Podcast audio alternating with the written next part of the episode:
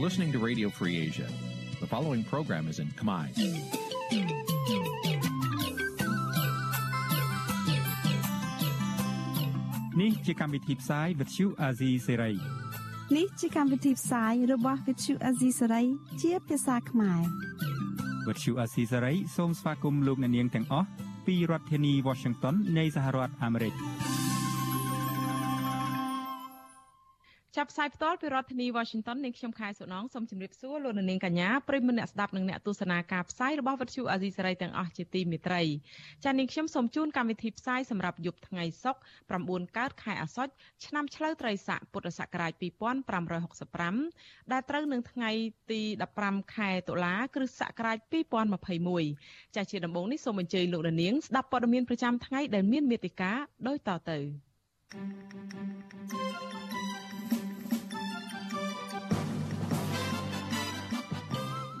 អ្នកវិភាគថាកម្ពុជាមិនទាន់មានអ្នកណាអាចដើរតួនាទីជាអ្នកផ្សះផ្សាជាតិបានក្រោយអតីតព្រះមហាក្សត្រសោយទីវង្គត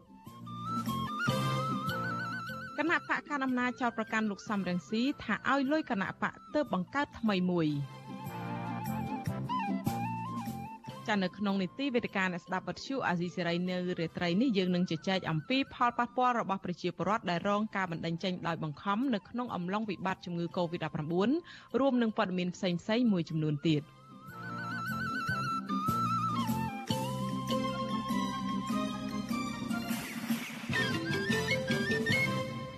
ចាជាបន្តទៅនេះនាងខ្ញុំខែសុណងសូមជូនព័ត៌មានទាំងនេះពិស្ដា ចាលោកនាងជាទីមេត្រីនៅថ្ងៃទី15ខែតុលានេះគឺជាខួប9ឆ្នាំនៃការយាងចូលទីវង្គតរបស់អតីតព្រះមហាក្សត្រព្រះបាទនរោត្តមសីហនុមន្ត្រីគណៈបកប្រឆាំងនិងអ្នកវិភាគនយោបាយថាវិបត្តិនយោបាយកាន់តែមានលក្ខណៈធ្ងន់ធ្ងរនិងអូសបន្លាយពេលរ៉ាំរ៉ៃដោយសារតែគ្មាននរណាមានលទ្ធភាពជួយផ្សះផ្សាជាតិដោយអតីតព្រះមហាក្សត្រនៅឡើយចាសសូមស្ដាប់សេចក្តីរាយការណ៍មួយរបស់លោកទីនសាការីយ៉ាអំពីរឿងនេះ កម្ពុជាបានជួបប្រទះវិបត្តិនយោបាយធ្ងន់ធ្ងរក្នុងរយៈពេល4ឆ្នាំមកនេះដែលមិនទាន់ឈានទៅរកការរួបរមជាតិឡើងវិញបានឡើយទេនេះគឺដោយសារតែមិនទាន់មានអិសរាជជនកម្ពុជារូបណាជួយសម្របសម្រួលឲ្យមានដំណោះស្រាយនយោបាយក្រោយពីអតីតព្រះមហាក្សត្រនរោត្តមសីហនុបានយាងចូលទីបង្គត់ប្រធានគណៈកម្មការរដ្ឋបាលគណៈបកសង្គ្រោះជាតិប្រចាំក្រុងបាងកកប្រទេសថៃលោកឃ្លាំងប៊ុនឡាយថ្លែងថា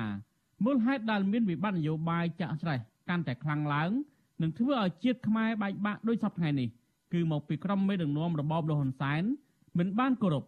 និងអនុវត្តតាមព្រះរាជបណ្ដាំរបស់អតីតព្រះមហាក្សត្រនោះទេព្រោះពួកគេមានមហិច្ឆតាចង់រក្សាអំណាចតាមបែបផ្ដាច់ការលើសពីនេះលោកមើលឃើញថាក្រោយពីព្រះអង្គសោយទីបង្គត់ទៅគឺរបបលហ៊ុនសែនបានបន្សាបឥទ្ធិពលស្ថាប័នព្រះមហាក្សត្រដែលធ្វើឲ្យព្រះរាជាបច្ចុប្បន្នពុំមានអំណាចពេញលេញក្នុងការសម្របសម្រួលចំនួននយោបាយ។ អង្គម្ចាស់គង់នៅនឹងយើងឃើញថាព្រះអង្គមានបរិយាអង្គការដើម្បីអញ្ជើញអិសរាជជននយោបាយនឹងឲ្យមកជួបគ្នាជជែកគ្នាដើម្បីដោះស្រាយបញ្ហានយោបាយនឹងឃើញមានប្រសិទ្ធភាពមែនទែនហើយជាក្តីសង្ឃឹមជាក្តីរំពឹងជាមលុបដ៏ត្រជាក់របស់ប្រជារាស្ត្ររបស់ព្រះអង្គតែក្រោយមកនេះយើងឃើញថាបើទោះបីជាមានព្រះអង្គដែលតំណាងឲ្យព្រះអង្គម្ចាស់ក៏ដោយក៏យើងឃើញតែដូចជាមិនមានអ្វីមួយសម្រាប់ដែលជាពន្លឺធ្វើឲ្យអ្នកនយោបាយអាចងាកមកសាមគ្គីភាពគ្នាដើម្បីដោះស្រាយបញ្ហាជាតិបាននេះយើងឃើញថាដូចជាបញ្ហានយោបាយបញ្ហាចំនួនរបស់អ្នកនយោបាយហ្នឹងកាន់តែធ្ងន់ធ្ងរទៅធ្ងន់ធ្ងរទៅព្រះបាទសម្ដេចព្រះនរោត្តមសីហនុបានសោយទីវង្គតកាលពីថ្ងៃទី15ដុល្លារឆ្នាំ2012នៅទីក្រុងប៉េកាំងប្រទេសចិនក្នុងប្រជជននាយុ89ព្រះវស្សា កាលនៅមានប្រជជនព្រះអង្គត្រូវបានទទួលស្គាល់ថា ជាព្រះមហាក្សត្រដ៏ឆ្នើមដែលមានស្នាប្រហោះជាច្រើន ជាពិសេស ការនាំយកឯករាជ្យពីប្រទេសបារាំងការអភិវឌ្ឍប្រទេសជាតិការផ្សះផ្សាជាតិនិងការបង្រួបបង្រួមជាតិជាពិសេសការសម្របសម្រួលឲ្យមានដំណោះស្រាយបញ្ហានយោបាយជាច្រើនលើកក្នុងខួប9ឆ្នាំនៃការចូលទីបង្កត់របស់ព្រះអង្គក្រុមមេដឹកនាំរបបលហ៊ុនសែនមួយចំនួននិងមន្ត្រីរាជការតាមក្រសួងនានាបាននាំគ្នាទៅថ្វាយកម្រងផ្កានិងគោរពព្រះវិញ្ញាណក្ខន្ធព្រះបរមរតនកោដ្ឋនរោត្តមសីហនុ នៅក្នុងទីតម្កល់រូបសំណាករបស់ព្រះអង្គនៅសួនច្បារក្បែរវិមានអាយក្រិចក្នុងពិធីប្រារព្ធខួបនេះលោកនាយករដ្ឋមន្ត្រីហ៊ុនសែនមិនបានបង្ហាញវត្តមានដាក់កម្រងផ្កានោះទេប៉ុន្តែលោកបានបង្ហោះសារយ៉ាងខ្លីនៅលើទំព័រ Facebook ដោយរាល់ឆ្នាំថានៅថ្ងៃនេះប្រជារាស្ត្រទូទាំងប្រទេសព្រមទាំងមន្ត្រីរាជការកងកម្លាំងប្រដាប់អាវុធគ្រប់ជាន់ថ្នាក់សូមសម្ដែងនៅការគោរពដឹងគុណដល់គង់ខ្ពស់បំផុតថ្វាយចំពោះព្រះបរមរតនកោដ្ឋ ដែលព្រះអង្គបានលះបង់និងបូជាព្រះកាយពលដ៏ធំធេងបំផុត ចំពោះជាតិមាតុភូមិកម្ពុជាទោះជាណាលោកហ៊ុនសែនមិនបានបង្ហាញពីការបដិញ្ញាចិត្តក្នុងការអនុវត្តនិងគោរពតាមប្រតិបណ្ដាំរបស់ព្រះអង្គដែលចង់ឲ្យខ្មែរមានសាមគ្គីជាតិនិងឯករាជ្យជាតិពេញលេញនោះទេខណៈកម្ពុជាកំពុងតែមានវិបត្តិនយោបាយចាក់ស្រេះកាន់តែខ្លាំងឡើងនារយៈពេលចុងក្រោយនេះអ្នកខ្លមើលរិះគន់លោកហ៊ុនសែនថាក្រៅពីមិនគោរពតាមព្រះរាជបណ្ដាំរបស់អតីតព្រះមហាក្សត្រហើយ របបលោកហ៊ុនសែនកំពុងតែធ្វើឲ្យប្រទេសកម្ពុជាបែកបាក់ជាតិនិងបាត់បង់ឯករាជ្យជាតិដោយសារតែលំអៀងខ្លាំងទៅរកប្រទេសកុម្មុយនីសជាពិសេសគឺប្រទេសចិននិវិភាននយោបាយដែលកំពុងតែភៀសខ្លួននៅក្នុងប្រទេសហ្វាំងឡុងលោកកឹមសុខមានប្រសាសន៍ថារូបភាពដែលក្រុមមេដឹកនាំរបបលហ៊ុនសែនដាក់កម្រងផ្កានិងបង្ហោះសារពីការគោរពព្រះវិញ្ញាណក្ខន្ធព្រះបរមរតនកោដ្ឋគឺគ្រាន់តែជានយោបាយប្រជាពិធដ្ឋដែលមិនមានតម្លៃចំពោះជាតិនិងចំពោះទ្រង់ផ្ទាល់ឡើយ លោកបន្តថាព្រះរាជបំណងសំខាន់ដែលព្រះអង្គចង់បានកាលពីនៅមានប្រជជនគឺចង់ឲ្យកម្ពុជាមានឯករាជ្យជាតិអធិបតេយ្យជាតិពេញលេញនិងមានសាមគ្គីជាតិពិតប្រាកដស្របតាមស្មារតីនៃកិច្ចព្រមព្រៀងសន្តិភាពទីក្រុងប៉ារីសដូច្នេះអ្នកនយោបាយជាពិសេសរបបលហ៊ុនសែនគួរតែគោរពនិងអនុវត្តតាមព្រះរាជបណ្ដាំរបស់អតីតព្រះមហាក្សត្រនរោត្តមសីហនុ ពួកគេគោរពពិតប្រាកដមែនពួកគេត្រូវគោរពកិច្ចព្រមព្រៀងសន្តិភាពទីក្រុងប៉ារីសឆ្នាំ1993ដែលបកគោណាលោកសពប្រតិខ្លាំងណាស់គោរពនៅស្មារតីរដ្ឋធម្មនុញ្ញផ្សះផ្សាជាតិឆ្នាំ1993ដែលបកគោណាលោកខិតខំក្នុងការយាយយកភាគីខ្មែរកុំឲ្យឆ្លោះគ្នាបែកខ្ញែកកាន់តែខ្លះបកគោណាលោកសពព្រះហត្ថីក្នុងការឃើញប្រជាពលរដ្ឋខ្លាយទៅជាម្ចាស់ពិតប្រាកដនៃប្រទេសកម្ពុជាបកគោណាលោកចង់ឃើញប្រជាពលរដ្ឋខ្មែរបានផលប្រយោជន៍ពីការអភិវឌ្ឍរបស់ប្រទេសជាតិដោយសមត្ថធម៌ហើយមានការចូលរួមពីសហគមន៍អន្តរជាតិដែលបានសន្យាតាមកិច្ចព្រមព្រៀងសន្តិភាពទីក្រុងប៉ារីសដើម្បីជួយស្ដារប្រទេសកម្ពុជាឡើងវិញវិបត្តិនយោបាយនៅកម្ពុជាបានកើតមានឡើងចាប់តាំងពីរបបលហ៊ុនសែនបានរំលាយគណៈបកសង្គ្រោះជាតិកាលពីចុងឆ្នាំ2017ហើយដកហូតយកអាសនៈស្របច្បាប់របស់គណៈបកនេះទាំងនៅថ្នាក់ជាតិនិងថ្នាក់ក្រោមជាតិយកមកចែកគ្នាកាន់កាប់ក្រោយមកទៀត របបនេះបានរៀបចំការបោះឆ្នោតតាមបែបបង្ក្រប់កិច្ចនៅឆ្នាំ2018ហើយប្រមូលយកអាសនៈសភាទាំងអស់មកគ្រប់គ្រងតែម្នាក់ឯងដែលធ្វើឲ្យកម្ពុជាក្លាយជាប្រទេសឯកបកប្រឆាចពីរដ្ឋធម្មនុញ្ញមន្ត្រីបកប្រឆាំងនៅនៃវិភាគយល់ថាស្ថានភាពសពថ្ងៃនេះមានតែសហគមន៍អន្តរជាតិនិងកម្លាំងប្រជាពលរដ្ឋខ្មែរតែប៉ុណ្ណោះទើបអាចជំរុញឲ្យរបបលហ៊ុនសែនបន្ទន់អេរិយាប័តវិលជុលតុកចរចាដោះស្រាយចំនួននយោបាយឡើងវិញ ដើម្បីផលប្រយោជន៍ប្រទេសជាតិនិងប្រជាពលរដ្ឋខ្ញុំធីនសាការីយ៉ាស៊ីសេរីប្រធានីវ៉ាស៊ីនតោន ចាលោករនាងកញ្ញាប្រិយមិត្តអ្នកស្ដាប់និងអ្នកទស្សនាការផ្សាយរបស់វិទ្យុអាស៊ីសេរីទាំងអស់ជាទីមេត្រីចាតកតងទៅនឹងរឿងចោតប្រកាន់លើលោកសំរងស៊ីនេះវិញគណៈបកកណ្ដាលអំណាចចោតប្រកាន់គណៈបកនយោបាយមួយក្នុងចំណោមគណៈបកនយោបាយទាំង6របស់អតីតមន្ត្រីគណៈបកប្រឆាំងថាបានយកលុយពីលោកសំរងស៊ីធ្វើសកម្មភាពនយោបាយអ្នកវិភាគយល់ថាការចោទប្រកាន់នេះគឺជាការបង្ហាញឲ្យឃើញថាគណៈបកកាន់អំណាចនៅតែបារម្ភពីប្រជាប្រិយភាពរបស់លោកសំរងស៊ីចាប់ពីរដ្ឋធានី Washington អ្នកស្រីម៉ៅសុធានីរាយការណ៍ព័ត៌មាននេះមន្ត្រីជាន់ខ្ពស់គណៈបកប្រជាជនកម្ពុជាថាលោកសំរងស៊ីបានឲ្យមនុស្សចំណិតរបស់ខ្លួនមកបង្កើតគណៈបកនយោបាយអ្នកនាំពាក្យគណៈបកប្រជាជនកម្ពុជាលោកសុកអេសានថាលោកសំរងស៊ីផ្ញើលុយជាង20ម៉ឺនដុល្លារដែលបានមកពីការលក់នាឡិការបស់លោក មកឲ្យគណៈបកនោះធ្វើសកម្មភាពនៅក្នុងប្រទេស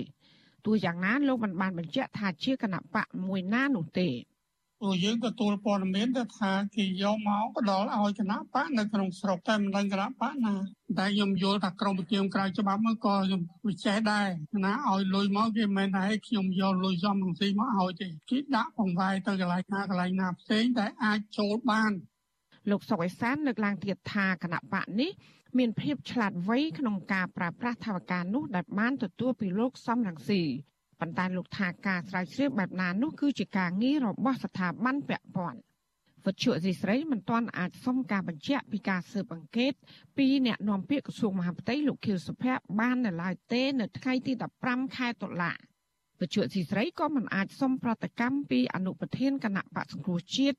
លោកអេងឆៃអៀងនិងអ្នកស្រីមួសុខហួរបាននៅឡើយដែរ ការចោទប្រកាន់របស់មន្ត្រីគណៈបកកាន់អំណាចបែបនេះគណៈច្បាប់ស្តីពីគណៈបញ្ញយោបាយបានហាមឃាត់មិនឲ្យគណៈបកនយោបាយណាមួយយកលុយពីបរទេសឬក៏ទណ្ឌិតនោះទេ ច្បាប់ស្តីពីគណៈបកនយោបាយថ្មីចែងថាគណៈបកនយោបាយទាំងឡាយណា ដែលមានជាប់តាក់ទងនឹងទណ្ឌិតនឹងត្រូវរំលាយចោលជុំវិញការចាប់ប្រកាន់របស់លោកសុកអេសានបែបនេះស្ថាបនិកគណៈបកបេដងជាតិលោកសៀមភ្លុក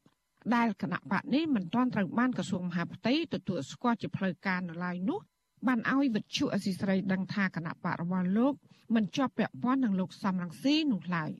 លោកយល់ថាការចោទប្រកាន់បែបនេះ គឺជាការលៀបពណ៌ហើយលោកក៏មិនចាប់អារម្មណ៍និងព្រួយបារម្ភនោះដែរលោកបន្តទៀតថាពេលមានគណៈបកនយោបាយឬក៏អ្នកនយោបាយណាមួយចេញមកប្រកួតប្រជែងពិតប្រាកដ គណៈបកកាន់អំណាចតែងតែចេញប្រតិកម្មរកលេសរំខាន និងដាក់បន្ទុកលើគូបដិបកដែលនេះគឺជារឿងធម្មតាស្តៀងគ្នានេះដែរស្ថាបនិកគណៈបកកម្ពុជានិយមលោកអូកអ៊ីដែលជាអតីតមន្ត្រីគណៈបកសង្គ្រោះជាតិបានប្រាប់ថាគណៈបករបស់លោកគ្មានទំនាក់ទំនងជាមួយលោកសំរងស៊ីឬក៏ក្រុមរបស់លោកនោះឡើយ ហ្នឹងហើយបើតកតងជាមួយនឹងពាក្យចោតប្រកាន់ហ្នឹងខាងយើងអត់មានទេព្រោះយើងអត់មានតំណែងជាមួយខាងអ្នកខាងក្រៅស្រុកអីទេរីឯប្រធានគណៈបច្ឆន្ទៈខ្មែរលោកគង់មុនិកាថាលោកមិនចាប់អារម្មណ៍ចំពោះការចោទប្រកាន់របស់លោកសុកអេសាននោះទេលោកអះអាងថាគណៈបករបស់លោកកើតចេញពីក្រមយុវជន ដែលជាអ្នកបន្តវេនហើយក៏គ្មានតំណែងតំណងនឹងក្រមលោកសំរងស៊ីនោះដែរ គណៈបច្ឆន្ទៈខ្មែរគឺជាគោលនយោបាយថ្មីតែចម្លែកហើយយើងមិនមិនខ្វល់ថាអ្នកណានិយាយយ៉ាងណាយ៉ាងណាទេគឺថាណាយើងមិនមានខ្នងបង្ហាយពីគណៈបកណាមួយឡើយបាទអ្នកវិភាគនយោបាយថាគណៈបកកណ្ដាលអំណាចបន្តព្រួយបារម្ភពីប្រជាប្រិយភាពរបស់លោកសំរងស៊ីនិងគណៈបកសង្គ្រោះជាតិចាបណ្ឌិតសេងទ្រីយល់ឃើញថាការចោទប្រកាន់របស់លោកសុកអេសាននៅពេលនេះ គឺជាការបង្ហាញឲ្យឃើញថាគណៈបកកាន់អំណាចមិនត្រឹមទប់ស្កាត់មិនឲ្យមេដឹកនាំគណៈបកសង្គ្រោះជាតិចូលរួមប្រកួតប្រជែងក្នុងឆាកនយោបាយប៉ុណ្ណោះទេសូម្បីតែគណៈបកនយោបាយដែលកើតចេញពីគណៈបកនេះក៏ត្រូវគណៈបកប្រជាជនកម្ពុជា បង្អាក់មិនឲ្យកើតចេញរួចដែរ គណៈបកកណ្ដាលអំណាចនៅតែបារម្ភអំពីអធិបុលនយោបាយរបស់គណៈបកសង្គ្រោះជាតិជាពិសេសផ្នែកខាងអេដាមសំរាំងស៊ីអំពីទួលនីតិនៅក្នុងការចូលរួមការបោះឆ្នោតហើយអាចតាក់ទាញការគ្រប់គ្រងខ្លាំងពីបណ្ដាក្រមប្រជាពលរដ្ឋដែលគ្រប់គ្រងគណៈបកសង្គ្រោះជាតិហើយនិងពលរដ្ឋដែលរងគ្រោះដោយអំពើអយុត្តិធម៌និងវិសមភាពសង្គមផ្សេងផ្សេងបាទ អ្នកវិភាគយកឃើញថាលោកសំរងស៊ីនៅតែមានឥទ្ធិពលនយោបាយដែលអាចធ្វើឲ្យគណៈបកថ្មីនៃអតីតមន្ត្រីបកប្រឆាំងទទួលបានការគ្រប់គ្រងពីប្រជាពលរដ្ឋឬក៏សកម្មជនបកប៉ះសិនបើគណៈបកនោះមានការគ្រប់គ្រងក្នុងទម្រង់ណាមួយពីលោកសំរងស៊ីចាននាងខ្ញុំម៉ៃសុធានីវិទ្យុអាស៊ីសេរីពីរដ្ឋធានី Washington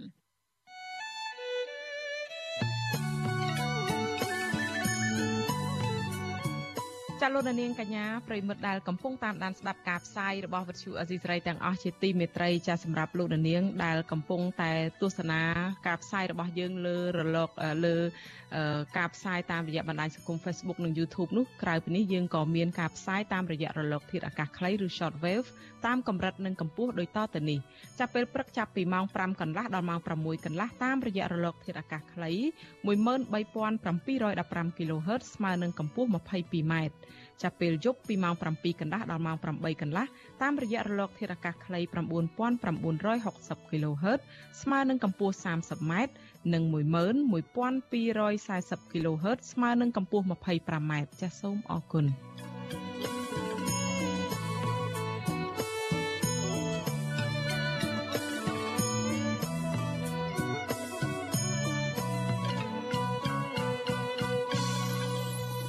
ចាលោកនាងកញ្ញាប្រិមិត្តដែលកំពុងតែស្ដាប់ការផ្សាយរបស់វិទ្យុអេស៊ីសរ៉ៃទាំងអស់ជាទីមេត្រីចាតកតងទៅនឹងសក្តីរាយការណ៍នៃការរីករាលដាលនៃជំងឺ Covid-19 វិញ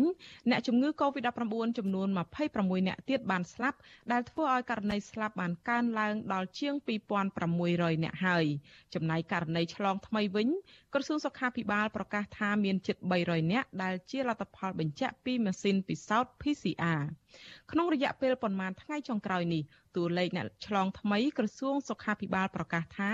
បានកើនឡើងដល់ជិត300នាក់ជារៀងរាល់ថ្ងៃប៉ុន្តែតួលេខនេះមិនរាប់បញ្ចូលលទ្ធផល ដែលពិនិត្យតាមឧបករណ៍តេស្តរហ័សឬរ៉ាពីតេស្តនោះទេគិតត្រឹមព្រឹកថ្ងៃទី15ខែតុលាកម្ពុជាមានអ្នកកើតជំងឺ Covid-19 ជាង110,000នាក់ក្នុងនោះអ្នកជាសះស្បើយមានប្រមាណ110,000នាក់ ក្រសួងសុខាភិបាលប្រកាសថាគិតត្រឹមថ្ងៃទី14ខែតុលាម្សិលមិញនេះរដ្ឋាភិបាលចាក់វ៉ាក់សាំងជូនប្រជាពលរដ្ឋដែលគ្រប់អាយុបានជាង99%ក្នុងចំណោម10លាននាក់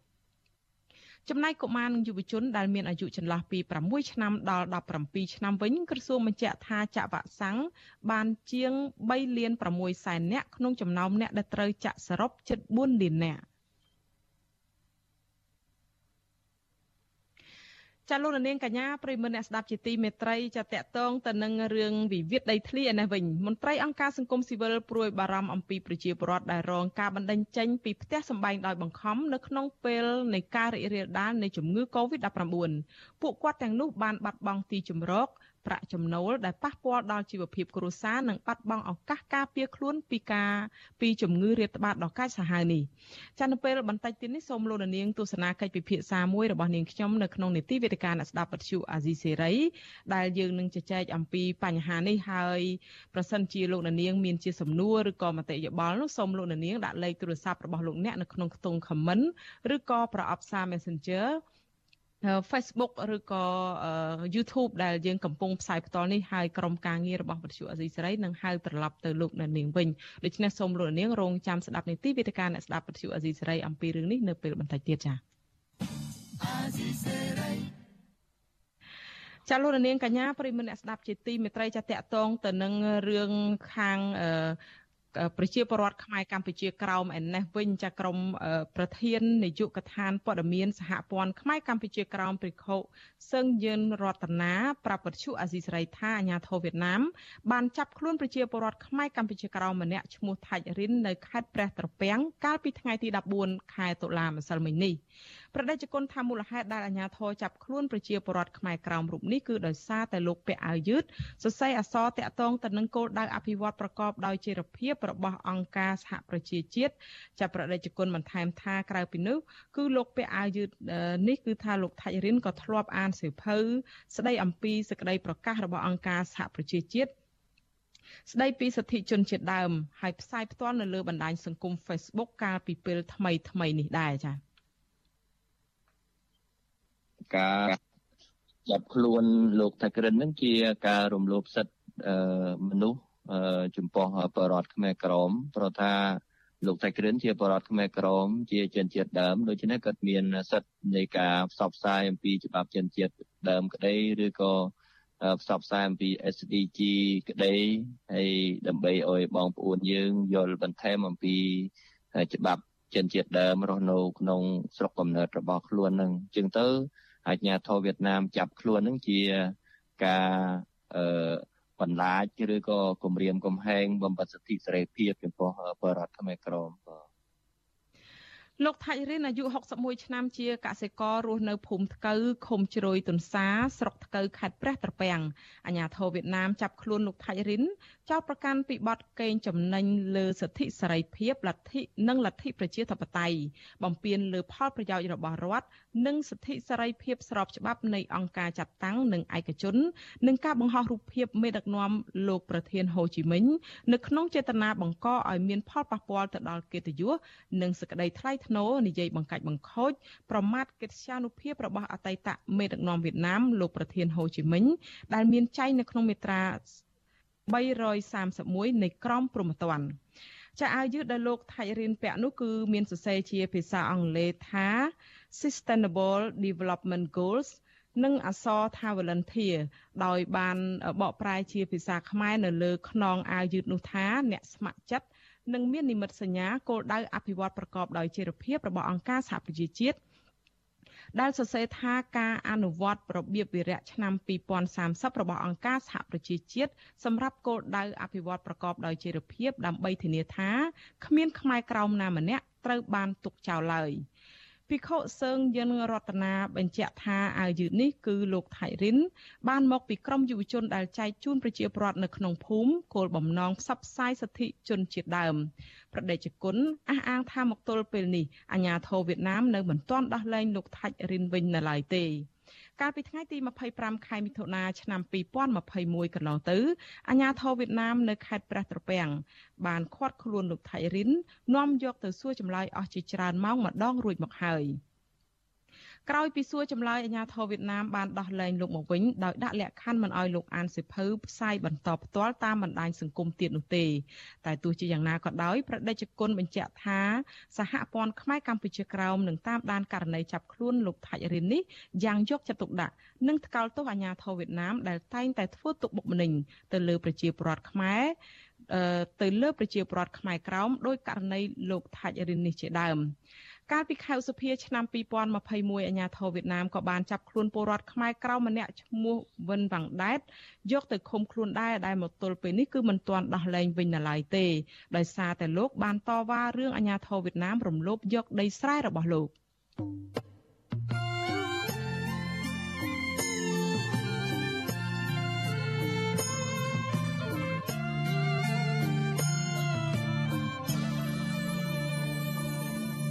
ចាលោកនាងកញ្ញាប្រិមិត្តអ្នកស្ដាប់និងអ្នកទស្សនាការផ្សាយរបស់វិទ្យុអាស៊ីសេរីទាំងអស់ជាទីមេត្រីចាតតងទៅនឹងបញ្ហាវិវាទដីធ្លីដែរប៉ុន្តែនៅឯខេត្តកោះកុងឯនេះវិញ អញ្ញាធរខេត្តកោះកុងស្នើឲ្យប្រជាពលរដ្ឋដែលមានចំនួនដីធ្លីជាមួយក្រុមហ៊ុនចិន Union Development Group មិនទាន់អាចដែលមិនទាន់មកធ្វើកិច្ចសន្យាទទួលយកគោលនយោបាយពីរដ្ឋាភិបាលនោះឲ្យប្រញាប់មកជួបអាជ្ញាធរដើម្បីចាប់ដីឡូនៅក្នុងរយៈពេលមួយសប្តាហ៍ទៀតពលរដ្ឋចាត់ទុកថាគោលនយោបាយអាជ្ញាធរ នេះថាជាការសម្រេចដោយឯកតោភាគីនិងចាប់បង្ខំប្រជាពលរដ្ឋឲ្យទទួលយកសំណងដោយគ្មានដំណាភាពចាប់ពីរដ្ឋធានី Washington លោកលេងម៉ាលីរាយការណ៍ព័ត៌មាននេះ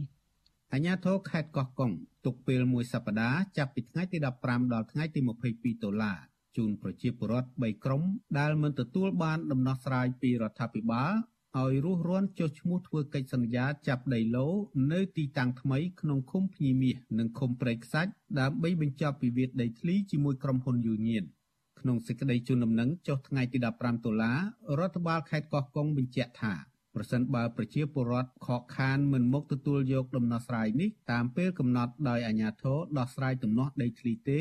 នោះចាត់ទុកថាពលរដ្ឋបោះបង់សិទ្ធិទទួលយកគោលនយោបាយដោះស្រាយបញ្ហាដីធ្លីពីរដ្ឋាភិបាល ហើយអាជ្ញាធរមិនទទួលខុសត្រូវរាល់ការបាត់បង់ផលប្រយោជន៍របស់ប្រជាពលរដ្ឋឡើយរដ្ឋាភិបាលសម្រេចបែងចែកពលរដ្ឋជាង1300គ្រួសារចេញជា3ក្រុមគឺពលរដ្ឋក្រុមទី1ដែលរស់នៅក្នុងទីតាំងវិនិយោគក្រុមហ៊ុន មានចំនួន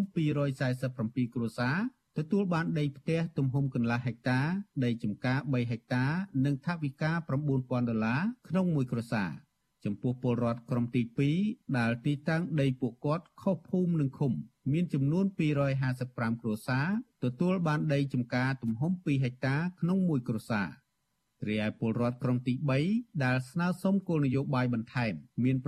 831គ្រួសារទៀតគឺទទួលបានដីចម្ការទំហំ1ហិកតាក្នុងមួយគ្រួសារចំណែកពលរដ្ឋស្នើសុំដីសម្បត្តិសង្គមគិច្ចអាជ្ញាធរខេត្តកោះកុងអះអាងថារដ្ឋាភិបាលនឹងដោះស្រាយតាមក្រោយ។ គិតមកដល់ពេលនេះមានពលរដ្ឋចំនួន177គ្រួសារក្នុងចំណោម255គ្រួសារស្ថិតក្នុងក្រុមទី2បានចាប់ឆ្នោតយកដីឡូរួចហើយហើយប្រជាពលរដ្ឋក្រុមទី3មានចំនួន327គ្រួសារក្នុងចំណោម360គ្រួសារក៏បានចាប់ឆ្នោតទទួលយកដីឡូហើយដែរ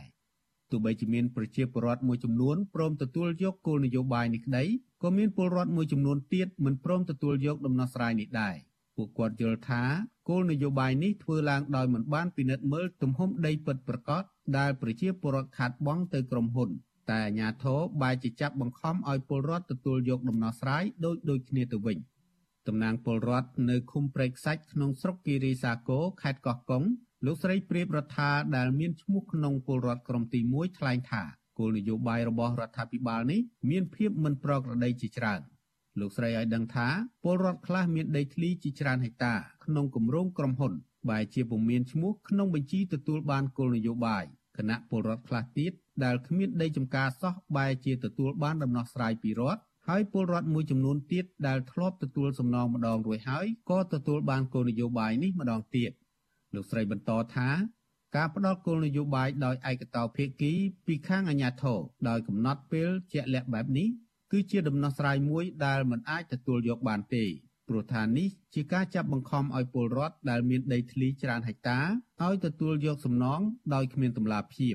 តំណាងពលរដ្ឋរូបនេះស្នើរដ្ឋាភិបាលកាត់ជ្រៀលដីធ្លីចេញពីគម្រោងក្រុមហ៊ុនប្រគល់ឲ្យប្រជាពលរដ្ឋប្រសើរជាងការផ្ដល់គោលនយោបាយដោយគ្មានតម្លាភាព និងគ្មានយុត្តិធម៌បែបនេះ ក្នុងការដោះស្រាយនោះសូមឲ្យវាមានឆន្ទៈក្នុងការដោះស្រាយពិតប្រាកដកុំឆន្ទៈខ្លាំងខ្លាយឲ្យប្រជាពលរដ្ឋមានជំនឿទុកចិត្តឲ្យច្បាស់លាស់ថាប្រកបជាដោះស្រាយពិតមែនកុំថាអឺដោះស្រាយដល់ថ្ងៃទី22ត្រូវលុបចេញណាយកមិនយកអត់អាហ្នឹងមិនមែនទេនឹងជាពាក្យសម្ដីរបស់គុំក្មេងលេងទេកុំដោះស្រាយដោះស្រាយឲ្យរួចតែពីមាត់ហើយយកឯកសារយកបាយការបញ្ជាក់ទៅខាងសម្ដេចនាយកថាបានទៅធ្វើការដោះស្រាយហើយបានធ្វើការដោះស្រាយហើយប៉ុន្តែការពិតប្រជាពលរដ្ឋនៅតែទទួលអត់បាត់សោះអាភាពយុត្តិធម៌នៅតែទទួលបន្តម្ដងហើយម្ដងទៀតម្ដងហើយម្ដងទៀតសម្រាប់ប្រជាពលរដ្ឋគឺមិនដែលមានភាពយុត្តិធម៌ប្រកបសម្រាប់ប្រជាពលរដ្ឋទេវិទ្យុអស៊ីសេរីមិនអាចសុំការឆ្លើយតបរឿងនេះពីអភិបាលរងខេត្តកោះកុងលោកសុកសទ្ធីនិងរដ្ឋលេខាធិការក្រសួងដែនដី លោកទេពថនបានទេ នៅថ្ងៃទី15តុលាដោយសារទូរស័ព្ទហៅចូលតែគ្មានអ្នកទទួលទោះបីជាយ៉ាងនេះក្តីអភិបាលរងខេត្តកោះកុងលោកសុកសទ្ធីបានប្រាប់វិទ្យុក្នុងស្រុកថា ការដោះស្រាយនេះគឺជាគោលនយោបាយរបស់រដ្ឋាភិបាល លោកថាពលរដ្ឋណាដែលមិនព្រមទទួលយកគោលនយោបាយនេះគឺជាការសម្រេចចិត្តរបស់ពួកគាត់ជុំវិញរឿងនេះអ្នកសម្របសម្រួលអង្គការសិទ្ធិមនុស្សលីកាដូប្រចាំខេត្តកោះកុងលោកហួអ៊ីនមានប្រសាសន៍ថាការដាក់ចេញគោលនយោបាយផ្ដាល់ដីធ្លីឲ្យពលរដ្ឋបានដូចដូចគ្នាបែបនេះទំនងជាមិនអាចបិទបញ្ចប់វិវាទដីធ្លីនេះបានទេព្រោះអាជ្ញាធរមិនបានផ្ដល់ពេលវេលាសមរម្យឲ្យពលរដ្ឋដែលមានទំហំដីធ្លីច្រើនហិកតាតវ៉ាទាមទារសំណងឲ្យបានប្រសើរជាងនេះ។ ការដោះស្រាយដែលកំណត់ថ្ងៃ22នេះដែលជាថ្ងៃអសានវ៉ាក្នុងលិខិតអញ្ជើញនេះខ្ញុំបានឃើញថាមិនទទួលខុសត្រូវចំពោះករណីហ្នឹងយើងឃើញថា នេះបង្ហាញអំពីការមិនទទួលខុសត្រូវឲ្យបានពេញលេញក្នុងការដោះស្រាយដំណោះដីធ្លីព្រោះថាទំហំការខូចខាតរបស់ប្រជាពលរដ្ឋគឺមានការខុសៗគ្នាមិនអាចដូចគ្នាទេហើយនៅពេលដែលសំណងចេញមកគឺដូចដូចគ្នាបែបនេះយើងឃើញថាដំណោះហ្នឹងមិនអាចដោះបញ្ចប់បានទេហើយវាក៏មិនត្រឹមត្រូវដែរក្នុងការដោះស្រាយសម្រាប់ប្រជាពលរដ្ឋជាងគាត់បានដើរតររយៈពេល10ជាងឆ្នាំហើយហើយលទ្ធផលដែលគាត់ទទួលបានគឺជាការបានលេខ1និងលេខ2បានដី3ហិកតាកន្លះពលរដ្ឋខ្លះទៀតបានដី2ហិកតាហើយអ្នកខ្លះទៀតក៏មិនមានឈ្មោះទទួលបានការដោះស្រាយនឹងដែរ ក្រុមហ៊ុនចិនឈ្មោះយូញៀនបានទទួលដីសម្បត្តិសេដ្ឋកិច្ចនៅចំកណ្ដាលឧទ្យានជាតិបុទុមសាគរក្នុងខេត្តកោះកុងសរុបចំនួនជាង45000ហិកតាពីរដ្ឋាភិបាលលោកហ៊ុនសែនកាលពីឆ្នាំ2008ដើម្បីសាងសង់ទីក្រុងទេសចរដ៏ធំមួយដែលត្រូវចំណាយទឹកប្រាក់ជិត4000លានដុល្លារគម្រោងនេះបានបណ្ដាលឲ្យប្រជាពលរដ្ឋខ្មែរជាង1300គ្រួសារត្រូវចាកចេញពីលំនៅឋានរបស់ពួកគេ កាលពីឆ្នាំមុន ក្រសួងរដ្ឋាភិបាលអាមេរិកបានសម្រេចដាក់ទណ្ឌកម្មក្រុមហ៊ុននេះក្រោមច្បាប់សកល Global Magnitsky Act ក្រោយពីរកឃើញថាក្រុមហ៊ុនចិនមួយនេះមានពាក់ព័ន្ធនឹងអំពើពុករលួយ ការច្បាមយកដី និងរំលោភសិទ្ធិមនុស្សនៅកម្ពុជាក្រមប្រជាពលរដ្ឋដែលមិនព្រមទទួលគោលនយោបាយដីធ្លីនេះស្នើសុំរដ្ឋាភិបាលបើកវេទិកាពិភាក្សាជាមួយពលរដ្ឋនិងផ្ដល់សំណងសមរម្យដែលអាចទទួលយកបាន។ ពលរដ្ឋប្រកាន់ជំហរថាប្រសិនបើអាជ្ញាធរមិនផ្ដល់ដំណោះស្រាយល្អជាងនេះទេនោះពួកគាត់នឹងនាំគ្នាចេញតវ៉ាតាមស្ថាប័នរដ្ឋលុះត្រាតែទទួលបានដំណោះស្រាយខ្ញុំបាទលេងម៉ាលីវិទ្យុអាស៊ីសេរីរាយការណ៍ពីរដ្ឋធានី Washington ចាលោកនាងកញ្ញាប្រិមនស្ដាប់ជាទីមេត្រីចាតកតងទៅនឹងរឿងវិវាទដីធ្លីជាមួយក្រុមហ៊ុនចិន UDG នេះចានៅពេលបន្តិចទៀតនេះលោកសេចក្ដីនឹងមានសម្ភាសមួយជាមួយតំណាងប្រជាពលរដ្ឋនិងមន្ត្រីអង្គការសង្គមស៊ីវិលផ្នែកសិទ្ធិមនុស្សដែលឃ្លាំមើលរឿងនេះហើយលោកនឹងជជែកពិភាក្សាដោយផ្ដោតទៅលើបញ្ហាប្រឈមរបស់ប្រជាពលរដ្ឋជាង10ឆ្នាំមកនេះចាហើយតើតើអ្វីខ្លះដែលនៅពីក្រោយចំនួនដីធ្លីដ៏រ៉ាំរ៉ៃមួយនេះ ចាដូច្នេះសូមលោកនាងរងចាំស្ដាប់នឹងទស្សនាកិច្ចពិភាក្សារបស់លោកសេចបណ្ឌិត នៅក្រោយនីតិវិទ្យាស្ដាប់ពទ្យុអាស៊ីសេរីនៅពេលបន្តិចទៀតចាហើយសម្រាប់ពេលនេះព័ត៌មានប្រចាំថ្ងៃដែលរៀបចំជូននៅនាងខ្ញុំខែសុណងចាប់តែប៉ុណ្ណេះប៉ុន្តែសូមអញ្ជើញលោកនាងរងចាំស្ដាប់នីតិវិទ្យាស្ដាប់ពទ្យុអាស៊ីសេរីចា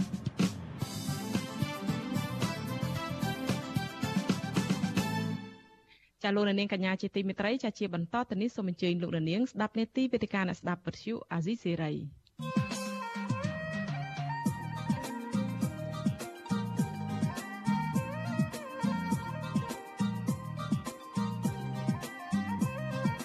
វេទិកាអ្នកស្ដាប់វិទ្យុអាស៊ីសេរី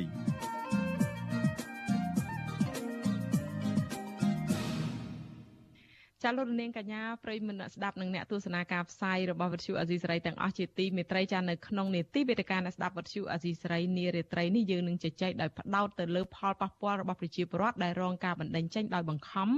នៅក្នុងអំឡុងវិបត្តិនៃការរីករាលដាលជំងឺ Covid-19 ចាឲ្យភ្ញៀវរបស់យើងមានពីររូបចាពីខាងសហគមន៍ជាប្រជាពលរដ្ឋដែលមានទំនាស់ដីធ្លីនៅឯខេត្តកណ្ដាលហើយយើងក៏មានមន្ត្រីពីខាងផ្នែកអង្គការសិទ្ធិមនុស្ស គឺអ្នកសម្របសម្រួលគម្រោងធុរកិច្ចនិងសិទ្ធិមនុស្សរបស់មជ្ឈមណ្ឌលសិទ្ធិមនុស្សកម្ពុជាលោកវ៉ាន់សុផាតដែលលោកចូលជាមួយយើងតាមប្រព័ន្ធវីដេអូ Skype សូមជំរាបសួរលោកវ៉ាន់សុផាតចា៎បាទសូមជំរាបសួរក្មួយជាអ្នកសម្របសម្រួលហើយសូមជំរាបសួរប្រិយមិត្តអ្នកស្ដាប់វិទ្យុអស៊ីសេរីជាទីគោរពនិងជាទីនឹករលឹកបាទចា៎ ហើយមួយរូបទៀតនោះគឺគាត់ជាប្រជាប្រដ្ឋសហគមន៍ដីធ្លីនៅភូមិកំពង់តាឡុងឃុំបឹងខ្យាងស្រុកកណ្ដាលស្ទឹងខេត្តកណ្ដាលគឺលោកស្រីលន់វណ្ណាជំរាបសួរលោកស្រីចាលោកស្រីចូលជាមួយយើងតាមទូរស័ព្ទចាចាចាសូមជម្រាបសួរអ្នកសម្រុំជំនួយនិងប្រិយមិត្តអ្នកស្ដាប់ទាំងអស់គ្នាចាចាចាលោកនាងជាទីមេត្រីចាតកតងទៅនឹងប្រធានបទនេះគឺដែលថាទិវាសិទ្ធ សិទ្ធិលំនៅឋានពិភពលោកហ្នឹងគឺគេតែងតែប្រារព្ធធ្វើឡើងនៅ ក្នុងខែតុលា ចាជារៀងរាល់ក្នុងខែតុលាចាជារៀងរាល់ឆ្នាំហើយមជ្ឈមណ្ឌលសិទ្ធិមនុស្សកម្ពុជានៅក្នុងឆ្នាំនេះហ្នឹងគឺបានផ្ដោតការចាប់អារម្មណ៍ទៅលើសិទ្ធិមានផ្ទះសម្បែងហ្នឹងដោយមានការផ្សារភ្ជាប់ទៅនឹងបរិបត្តិនៃការរាតត្បាតជំងឺ Covid-19 ចាហើយតកតងទៅនឹងស្ថានភាពនៃការបណ្តេញចេញដោយបង្ខំនេះអ្នករាយការណ៍ពិសេសរបស់អង្គការសហប្រជាជាតិទទួលបន្ទុកសិទ្ធិលំនៅឋាន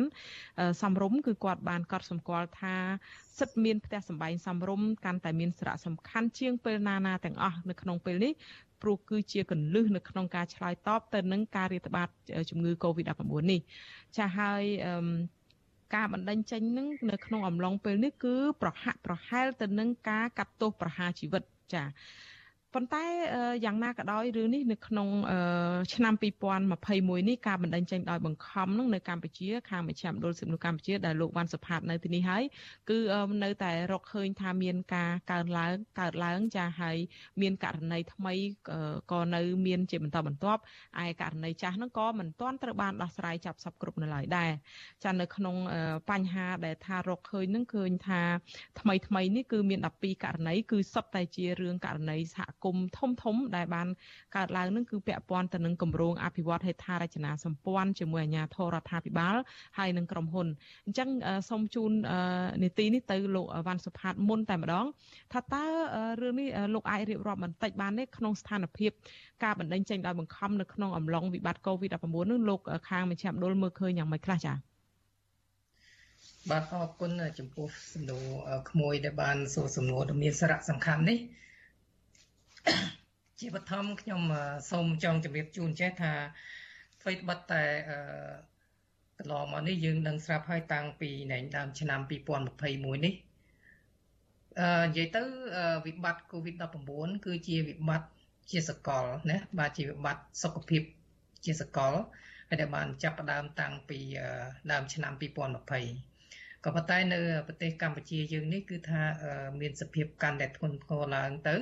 តាំងពីដើមឆ្នាំ2021នេះរហូតមកដល់បច្ចុប្បន្ននេះយើងឃើញស្រាប់ហើយគឺមានរលកថ្មីថ្មីចំនួន3បាទហើយរលកចុងក្រោយនេះគឺដោយសារតែកំណើននៃអ្នកឆ្លង COVID-19 នេះមានបាការកើនឡើងគួរឲ្យចាប់គួរឲ្យព្រួយបារម្ភហើយជាពិសេស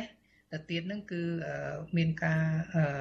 រាយការណ៍អំពីចំនួនអ្នកទទួលមរណភាពដោយសារ COVID-19 នេះក៏ឥឡូវនេះមានរហូតដល់រាប់ពាន់អ្នកឯណោះបាទហើយមានជាបន្តបន្ទាប់ជារៀងរាល់ថ្ងៃមើលតាមជើងតាមដានស្ដាប់សារព័ត៌មានក៏ដូចជាខាងរបាយការណ៍របស់ក្រសួងសុខាភិបាលហើយដូច្នេះហើយការបណ្ដឹងចេញដោយបង្ខំនេះនៅពេលនេះគឺត្រូវមានការចាប់អារម្មណ៍ជាសំខាន់មួយជាងពេលណាណាទាំងអស់ ដោយសារតែការបណ្ដេញចេញដោយបង្ខំតាំងពីដើមមករហូតដល់បច្ចុប្បន្ននេះឃើញវាមានការរីករាលដាលបាទជាហោហែមកហើយហើយជាពិសេសនៅ ក្នុងប្រទេសកម្ពុជាយើងនេះអឺក្នុងនឹងដែរក៏ខ្ញុំចង់ជម្រាបជូនអំពីថាតើយ៉ាងម៉េចអឺដែលដែលហៅថាការបណ្ដឹងចេញដោយបង្ខំអឺការបណ្ដឹងចេញដោយបង្ខំនេះគឺត្រូវបានកំណត់នយោបាយដោយគណៈកម្មាធិការសិទ្ធិសេដ្ឋកិច្ចសង្គមនិងវប្បធម៌ របស់អង្គការសហប្រជាជាតិមានន័យថាជាការបណ្ដឹងចេញឬការជំនះចេញបុគ្គលឬមួយគ្រួសារឬមួយក៏សហគមន៍ចេញពីផ្ទះសម្បែងនិងដីធ្លីរបស់គាត់ដោយពុំមានការស្ម័គ្រចិត្តដោយខុសពីឆន្ទៈរបស់គាត់ហើយនឹងមិនមានការផ្ដល់ជាការដោះស្រាយឬមួយក៏ការការពារ តាមទម្រង់ផ្លូវច្បាប់ណាមួយដែលជាក់លាក់ហើយដែលឲ្យមានការគត់មុតក្នុងការនៃធានានៅសវត្ថភាពក្នុងការមានលំនៅឋានសមរម្យនិងដីធ្លីរបស់ពួកគាត់តាមពិតទៅតាមគោលការណ៍ឬក៏បទដ្ឋានសិទ្ធិមនុស្សអន្តរជាតិការបណ្ដឹងចេញដោយបង្ខំនេះគឺត្រូវអនុវត្ត បានប៉ុន្តែអនុវត្តនៅក្នុងកម្រិតណាមួយដែលជាក់លាក់បំផុតហើយជាអបបរមាមានន័យថាទាបបំផុតហើយបើសិនជាអាចមានជំរឿគឺត្រូវតែជៀសវាងឲ្យរួចផុតពីការបណ្ដឹងចេញដោយបង្ខំនេះអឺដោយតម្រូវឲ្យរដ្ឋនីមួយៗនឹងត្រូវគិតគូរធានាយ៉ាងច្បាស់លាស់ការពីប្រជាពលរដ្ឋពីការបណ្ដឹងចេញដោយបង្ខំពីព្រោះថាបើមានការកើតឡើងការបណ្ដឹងចេញដោយបង្ខំនេះ គឺវាបណ្ដាលឲ្យប៉ះពាល់ជាពិសេសគឺប្រជាពលរដ្ឋដែលក្រីក្រអញ្ចឹងអាចជារុញច្រានឲ្យពួកគាត់នឹងកាន់តែក្រីក្រទៅដោយសារតែបាត់បង់ដីធ្លីហើយយើងដឹងស្រាប់ហើយនៅប្រទេសកម្ពុជាយើង កាលពីប្រហែលទសវត្សរ៍មុននោះគឺមានជាង80%នៃប្រជាពលរដ្ឋដែលអាស្រ័យផលនៅលើដីកសិកម្មប៉ុន្តែប្រហែលឆ្នាំមុននេះតាមរបាយការណ៍របស់ធនាគារពិភពលោក គឺមានប្រមាណជា79%នៃប្រជាពលរដ្ឋកម្ពុជា ដែលអាស្រ័យផលកសិកម្មនៅលើដីធ្លីហើយដូច្នេះហើយដីធ្លីនេះគឺមានសារៈសំខាន់ណាស់អញ្ចឹងនៅពេលណាដែលបាត់បង់ដីធ្លី គឺប្រជាពលរដ្ឋហើយផ្ទះសម្បែងគឺនៅលើដីធ្លីនឹងហើយបាទអញ្ចឹងបើសិនជាបាត់បង់ដីធ្លីជាពលរដ្ឋដែលរកចំណូលពីដោយសារដីធ្លីមានជាពិសេសគឺការធ្វើស្រែធ្វើចម្ការ អីនេះគេតែពេលណាបាត់បង់ដីធ្លីគឺពួកគាត់គឺបាត់បង់ផ្ទះសម្បែងហើយនឹងបាត់បង់ចំណូលប្រចាំថ្ងៃរបស់ពួកគាត់ហើយសំខាន់ទៅទៀតការបណ្ដឹងចេញដោយបង្ខំនេះខ្ញុំសូមជម្រាបជូនផងដែរថាមិនមែនសំដៅតែទៅលើការការពារពីការបណ្ដឹងចេញដោយបង្ខំមិនមែនសំដៅទៅលើតែនៃប្រជាពលរដ្ឋឬបុគ្គល អឺដែលមានប្លង់កម្មសិទ្ធិដែលមានសវត្ថភាពកាន់កាប់ដីធ្លីតាមស្របច្បាប់ហើយទេសូម្បីតែបុគ្គលគ្រប់រូបដែលគាត់រស់នៅឬទីតាំងដែលមិនទាន់ផ្លូវការក្នុងនោះខ្ញុំសំដៅទៅលើអាចជាដីសាធារណៈរដ្ឋមួយចំនួនឬក៏ទីតាំងមួយចំនួនរបស់រដ្ឋអីចឹងដែលនិយាយពីច្បាប់ភូមិបាលទៅគឺថាយើងមិនទាន់មានការទទួលស្គាល់ប៉ុន្តែពួកគាត់បានទៅរស់នៅទីនោះ ហើយនឹងអ្នកជួលផងដែរសូម្បីតែអ្នកដែលជួលផ្ទះនិងជួលដីហ្នឹងក៏ច្បាប់នៃនិយាយពីលក្ខខណ្ឌឬមួយក៏នៃគោលការណ៍សិទ្ធិនៅអន្តរជាតិហ្នឹងគឺមានការហាម5ណាមិនអោយធ្វើការបណ្ដឹងចេញដោយបង្ខំទេជាពិសេសគឺកលៈទេសៈមួយដែលធ្វើឲ្យសំស្របក្នុងការបណ្ដឹងចេញទៅវាអាចប៉ះពាល់ដល់ជីវភាពឬក៏គាត់ខ្វះទីជម្រកកាន់តែក្រីក្រទៅ អានឹងវាធ្វើឲ្យនៃពួកគាត់នឹងគឺថាมันមាន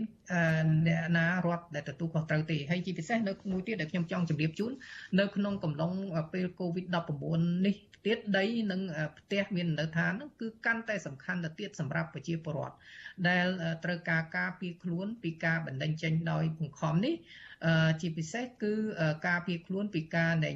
ចម្លង COVID-19 ដោយយើងដឹងស្រាប់ហើយតាមប្រមុខរដ្ឋាភិបាលក៏ដូចជាក្រសួងសុខាភិបាលដែរបានដាក់វិធានការដូចជាការនៃធ្វើចាក់តាលិស័កការនៃបិទគប់ការបំរាមកោចរហើយថ្មីថ្មីនេះ ក៏មានការនៃជាទូទៅហើយឥឡូវនេះពិសេសភាគច្រើន គឺនៅពេលមានឆ្លង COVID-19 គឺពួកគាត់នឹងត្រូវធ្វើការព្យាបាលនៅតាមផ្ទះទៅទៀតអញ្ចឹងឃើញថាលំនៅឋានហ្នឹងគឺជាអ្នកការពារជួរមុខណាបាទ ជួមុខបំផុតហើយក្នុងកំឡុងពេល COVID-19 នេះដែលគាត់ត្រូវការដូច្នេះរដ្ឋនីមួយៗហ្នឹងគឺថាត្រូវអនុវត្តគោលការណ៍នៃការបណ្ដឹងចេញដោយបង្ខំនេះដោយប្រយ័ត្នប្រយែងហើយនឹងជាពិសេសគឺការពារកុំឲ្យមានការបណ្ដឹងចេញដោយបង្ខំក្នុងកំឡុងពេល COVID-19 នេះបាទចា អរគុណច្រើនលោកវ៉ាន់សុផាតដែលលោកបានរៀបរាប់ក្បោះក្បាយហើយខ្ញុំមិនសង្ខេបឡើងវិញប្រកាសជាច្បាស់លាស់ហើយអ្វីដែលលោកបានលើកឡើងនឹងនៅក្នុងអំឡុង COVID-19 ហើយផ្សារភ្ជាប់ទៅនឹងរឿងការបណ្តេញចេញនេះគាត់រងផលប៉ះពាល់យ៉ាងម៉េចនោះហើយច្បាប់ក៏មានការធានាដែរធ្វើត្បិតបើសិនជាកុំថាឡើយប្រជាពលរដ្ឋដែលមានកម្មសិទ្ធិសំបីតែអ្នកដែលជួលផ្ទះគេឬក៏ស្នាក់នៅលើដីសាធារណៈរបស់រដ្ឋហ្នឹងក៏ត្រូវបានហាមប្រាមមិនឲ្យមានការបណ្តេញចេញដោយបង្ខំដែរអរគុណច្រើនសូមងាកទៅលោកស្រីលុញវណ្ណាវិញចាលោកស្រីលុញវណ្ណាគឺជាអ្នករងគ្រោះផ្ទាល់ហើយនៅក្នុងរឿងដំណោះដីធ្លីជាមួយក្រុមហ៊ុនប្រលានយន្តហោះសាងសង់ប្រលានយន្តហោះនោះចាដែលនៅឯស្រុកកណ្ដាលស្ទឹងខេត្តកណ្ដាលអញ្ចឹងលោកស្រីវណ្ណានៅលឺខ្ញុំទេចាចាចាលឺតាអូនលឺចាចា ឥឡូវអ្វីដែលលោកវ៉ាន់សុផាតបានលើកឡើងមិញហ្នឹងលោកស្រីបានលើហើយឥឡូវខ្ញុំចង់ងាកទៅលោកស្រីដែលជាជនរងគ្រោះផ្ទាល់ជាអ្នកដែលរងការបណ្តេញចេញដោយបង្ខំនឹងដោយផ្ទាល់ទៅវិញយើងដឹងទាំងអស់គ្នាទាំងប្រជាពលរដ្ឋទូទៅហើយនៅលើបណ្ដាញផ្សព្វផ្សាយនៅតាម Facebook អីគឺថានៅពេលដែលប៉ះទង្គិចនៅពេលដែលប្រជាពលរដ្ឋចេញទៅតវ៉ារកដំណោះស្រាយដីធ្លីជាមួយក្រុមហ៊ុនហ្នឹងក៏ប៉ះទង្គិចជាមួយខាងសមត្ថកិច្ចអីហ្នឹងហើយក៏ក្រើកមានការចាប់ខ្លួនប្រជាពលរដ្ឋ30នាក់អីក្នុងហ្នឹងក៏មានប្អូនស្រីរបស់លោកស្រីផ្ទាល់ដែរហើយតើស្ថានភាពទុកលំបាកនៅក្នុងវិបត្តិ COVID-19 ហើយមានការបណ្តេញចេញដោយបង្ខំហ្នឹងលោកស្រីអាចចែករំលែកបទពិសោធន៍តិចបានទេតើមានការលំបាកយ៉ាងម៉េចទៅហើយចង់បានឲ្យមានដំណោះស្រាយបែបណាវិញចា៎ ចាចាសូមអរគុណសម្រាប់ជំនួសអូនតាអឺបងចង់ខ្ញុំចង់និយាយថាអញ្ចេះអឺខ្ញុំឈ្មោះលុញវណ្ណារស់នៅភូមិកំពង់ត្រឡុងឃុំបង្ចាងស្រុកកណ្ដាលស្ទឹងខេត្តកណ្ដាលក្នុងរឿងតំណដីធ្លីនេះការបណ្ដេញចេញក្នុងសម័យជំងឺរាតត្បាតនេះគឺមានការលំបាកខ្លាំងណាស់ហើយដោយលោកពូវ៉ាន់សុផានគាត់លើកឡើងអញ្ចឹងផ្ទះគឺជាកន្លែងដ៏សំខាន់ជាទីបំផុតសម្រាប់ប្រជាជនដែលក្នុងក្នុងបច្ចុប្បន្ននេះអ្នកខ្លះ អ្នកស្រុកអ្នកភូមិខ្ញុំគេច្រើនគឺគាត់អត់ចេះអីធ្វើអីក្រៅពីធ្វើអដំណាំស្រូវនឹងទេដំណាំស្រូវស្រែនឹងទេដល់ទៅពេលរយៈពេល3ឆ្នាំក្រុមហ៊ុនគាត់បានអភិវឌ្ឍហ្នឹងរយៈពេល3ឆ្នាំហ្នឹងលើដីតំបន់ត្រឹមទៅកៅគុតទៅខាងកើតហ្នឹងគឺគាត់អត់ឲ្យធ្វើស្រែទេដល់ពេលអញ្ចឹងគាត់អត់បានធ្វើស្រែហើយគាត់ងាកមករកប្រកបមុខរបរអីផ្សេងក៏អត់បានដោយសារកន្លែងខ្លះត្រូវហាមឃាត់ ហើយកន្លែងខ្លះត្រូវបិទมันអាចទៅប្រកបមុខរបរបានអញ្ចឹងអញ្ចឹងពួកគាត់ងាកមកធ្វើស្រែក៏ធ្វើអត់បានទៅប្រកបមុខរបរអីក៏អត់កើតដល់ពេលអញ្ចឹងគឺអ្នកខ្លះមានជាប់ចតាលដោយសារអីនៅផ្ទះហើយព្យាបាលនៅផ្ទះអីអញ្ចឹងហើយដល់ពេលហើយផ្ទះខ្លះត្រូវប៉ះពាល់ក្រុមហ៊ុនហ្នឹងថាត្រូវប៉ះពាល់ដល់ភូមិពាក់កណ្ដាលភូមិអីចឹងទេអញ្ចឹងពួកគាត់មានការព្រួយបារម្ភគេងកើតទុកมันសบายចិត្តក្នុងថាការអភិវឌ្ឍនេះដោយសារតែការអភិវឌ្ឍ គាត់មិនថាជំទាស់ប្រឆាំងនឹងការអភិវឌ្ឍអីទេប៉ុន្តែគ្រាន់តែថាសូមឲ្យក្រុមហ៊ុនទិញដីពួកគាត់ក្នុងតម្លៃទីផ្សារឬក៏តម្លៃណាមួយដែលពួកគាត់អាចទទួលយកបានប៉ុន្តែដោយសារតែ3ឆ្នាំនេះក្រុមហ៊ុនគាត់ទិញចរចាដំណោះស្រាយគឺគាត់ឲ្យតែ8ដុល្លារ8ដុល្លារក្នុង1ម៉ែត្រការ៉េហើយនឹងអ្នកមានដីជាប់រ៉ាន់វេគឺដូរដីហើយអ្នកអត់មានជាប់រ៉ាន់វេគឺត្រូវលក់ឲ្យក្រុមហ៊ុនក្នុងតម្លៃ8ដុល្លារដល់ពេលអញ្ចឹងពួកគាត់មានការឈឺចាប់ សោកស្ដាយដោយថាពី3ឆ្នាំមុនដីគាត់គេឲ្យរហូតដល់30 40រហូតដល់70ហើយដល់ពេលអញ្ចឹងគាត់អត់បានលក់គាត់គិតថាអឺដីពួកគាត់ចិត្តផ្ទះស្រួលធ្វើអីអញ្ចឹងទៅគាត់ក៏ចង់ទុកនៅធ្វើបន្តទៅទៀតទៅគាត់មិនដឹងថាអឺ ដីពួកគាត់នឹងចូលក្នុងគម្រោងអភិវឌ្ឍទេហើយក៏គាត់គិតថាបើចូលក្នុងគម្រោងអភិវឌ្ឍហើយក៏គាត់អត់សន្ទោសអត់ប្រឆាំងអីទេប៉ុន្តែសូមឲ្យថាក្រុមហ៊ុនទិញគាត់ក្នុងតម្លៃទីផ្សារឬក៏តម្លៃណាមួយដែលពួកគាត់អាចទទួលយកបានមិនមែនជាតម្លៃ8ដុល្លារទេព្រោះតម្លៃ8ដុល្លារនេះក្នុងសក្តាស្ទឹងទៅទិញកន្លែងផ្សេងគឺអត់បានទេអញ្ចឹងអូនទៅទិញកន្លែងណាក៏អត់បានដែរដោយសារតម្លៃនេះគឺវាថោកជាទីបំផុតហើយពី3ឆ្នាំមុនដីគាត់បានថ្លៃឧទាហរណ៍ថាដូចដីខ្ញុំអញ្ចឹងគេឲ្យខ្ញុំ30អឺ មេភូមិក្នុងភូមិកំពង់តឡុងខ្ញុំនឹងផ្ទាល់តម្ងឲ្យខ្ញុំតម្លៃ1ម៉ែត្រការ៉េ30បើខ្ញុំយកទៅទិញកន្លែងផ្សេងនៅនៅថោកដូចថា1ការ៉េតែ5ដុល្លារ10ដុល្លារ15ដុល្លារនឹងដីជាប់ផ្លូវមិនជាប់ផ្លូវអញ្ចឹងប៉ុន្តែខ្ញុំគិតថាដីខ្ញុំវាស្រួលធ្វើដីខ្ញុំវាល្អខ្ញុំឈូសឆាយពង្រៀបឡើងស្មាហើយហើយដល់ពេលអញ្ចឹងខ្ញុំចង់ថាដីខ្ញុំនឹងនៅចិត្តផ្ទះស្រួលជិះម៉ូតូជិះទៅធ្វើស្រែអញ្ចឹងខ្ញុំអត់ចង់លក់ទៅទិញកន្លែងឆ្ងាយទេតែដល់ទៅពេលមកដល់ការអភិវឌ្ឍ ឆ្នាំ2018នេះក៏គេលែងឲ្យខ្ញុំធ្វើស្រែហ្នឹងអស់រយៈពេល3ឆ្នាំហ្នឹងហើយហើយក៏ខ្ញុំថាបើគាត់ធ្វើម៉េចបើដីខ្ញុំចូលទៅក្នុងក្រុមហ៊ុនអភិវឌ្ឍហើយប៉ុន្តែគាត់ទៅថាសូមឲ្យក្រុមហ៊ុនហ្នឹងទិញក្នុងតម្លៃទីផ្សារឬក៏តម្លៃណាមួយដែលពួកខ្ញុំទទួលយកបានទៅប៉ុន្តែជាក់ស្ដែងក្រុមហ៊ុនគាត់នៅតែទិញ8ដុល្លារហើយនឹងដូរដីអ្នករ៉ាន់រេដូរដីហើយដោយថារឿងប៉ះខ្ញុំសុំកាត់លោកស្រីបន្តិចខ្ញុំឮដំណឹងថាលោកស្រីនឹងបានសម្រេចចិត្តដូរដីហើយតើលោកស្រីពេញចិត្តទេចំពោះការដូរដីនៅពេលនេះចា៎ ចាចំពោះខ្ញុំហ្នឹងដោយសារដីខ្ញុំហ្នឹងប៉ះផ្លូវរត់ទី1ប៉ះផ្លូវរត់ហ្នឹងប៉ះផ្លូវរ៉ាន់វេហ្នឹងអញ្ចឹងក្រុមហ៊ុនមានសិទ្ធិឲ្យខ្ញុំដូរដីប៉ុន្តែអ្នកដែលអត់ប៉ះគឺអត់មានសិទ្ធិដូរទេគឺត្រូវទទួលយក8ដុល្លារតែខ្ញុំសម្រាប់ចិត្តដូរដីហើយតែក្នុងការដែលខ្ញុំដូរនេះគឺមិនមែនដូរដោយការពេញចិត្តទេដោយសារតែថាខ្ញុំនៅតែសំណោះនៅតែស្ដាយដីខ្ញុំអញ្ចឹងព្រោះដីខ្ញុំដូចខ្ញុំនិយាយអញ្ចឹងអូនទៅថាដីខ្ញុំស្រួលធ្វើជិះម៉ូតូទៅទុក ចិត្តតែក៏មិនភ័យខ្លាចដែលមានសមត្ថភាពអីអញ្ចឹងប៉ុន្តែដោយសារធ្វើម៉េចបើសិនជាបើសិនជាដីខ្ញុំនឹងចូលទៅក្នុងក្រុមហ៊ុនគេត្រូវអភិវឌ្ឍអញ្ចឹងហើយអញ្ចឹងគឺខ្ញុំក៏សម្រេចចិត្តថាដូរទៅតែដូរដូរតាមខំចិត្តទាំងចិត្តនៅសំណោះស្ដាយដីអញ្ចឹងប៉ុន្តែមិនដឹងថាត្រូវធ្វើយ៉ាងម៉េចក៏អត់មានជំរឿអីអញ្ចឹងណាអូន ចាអរគុណច្រើនអឺ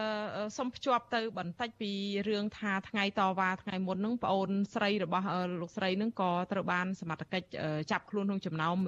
ពលរដ្ឋ30នាក់ហើយចាប់នឹងក៏ដោះលែង21នាក់មកវិញក្នុង9នាក់ហ្នឹងបងអូនលោកស្រីក៏នៅជាប់ជាមួយក្នុង9នាក់ដែរហើយចោតនឹងឃើញថាមានចោតពីបទធ្ងន់ធ្ងរដែរ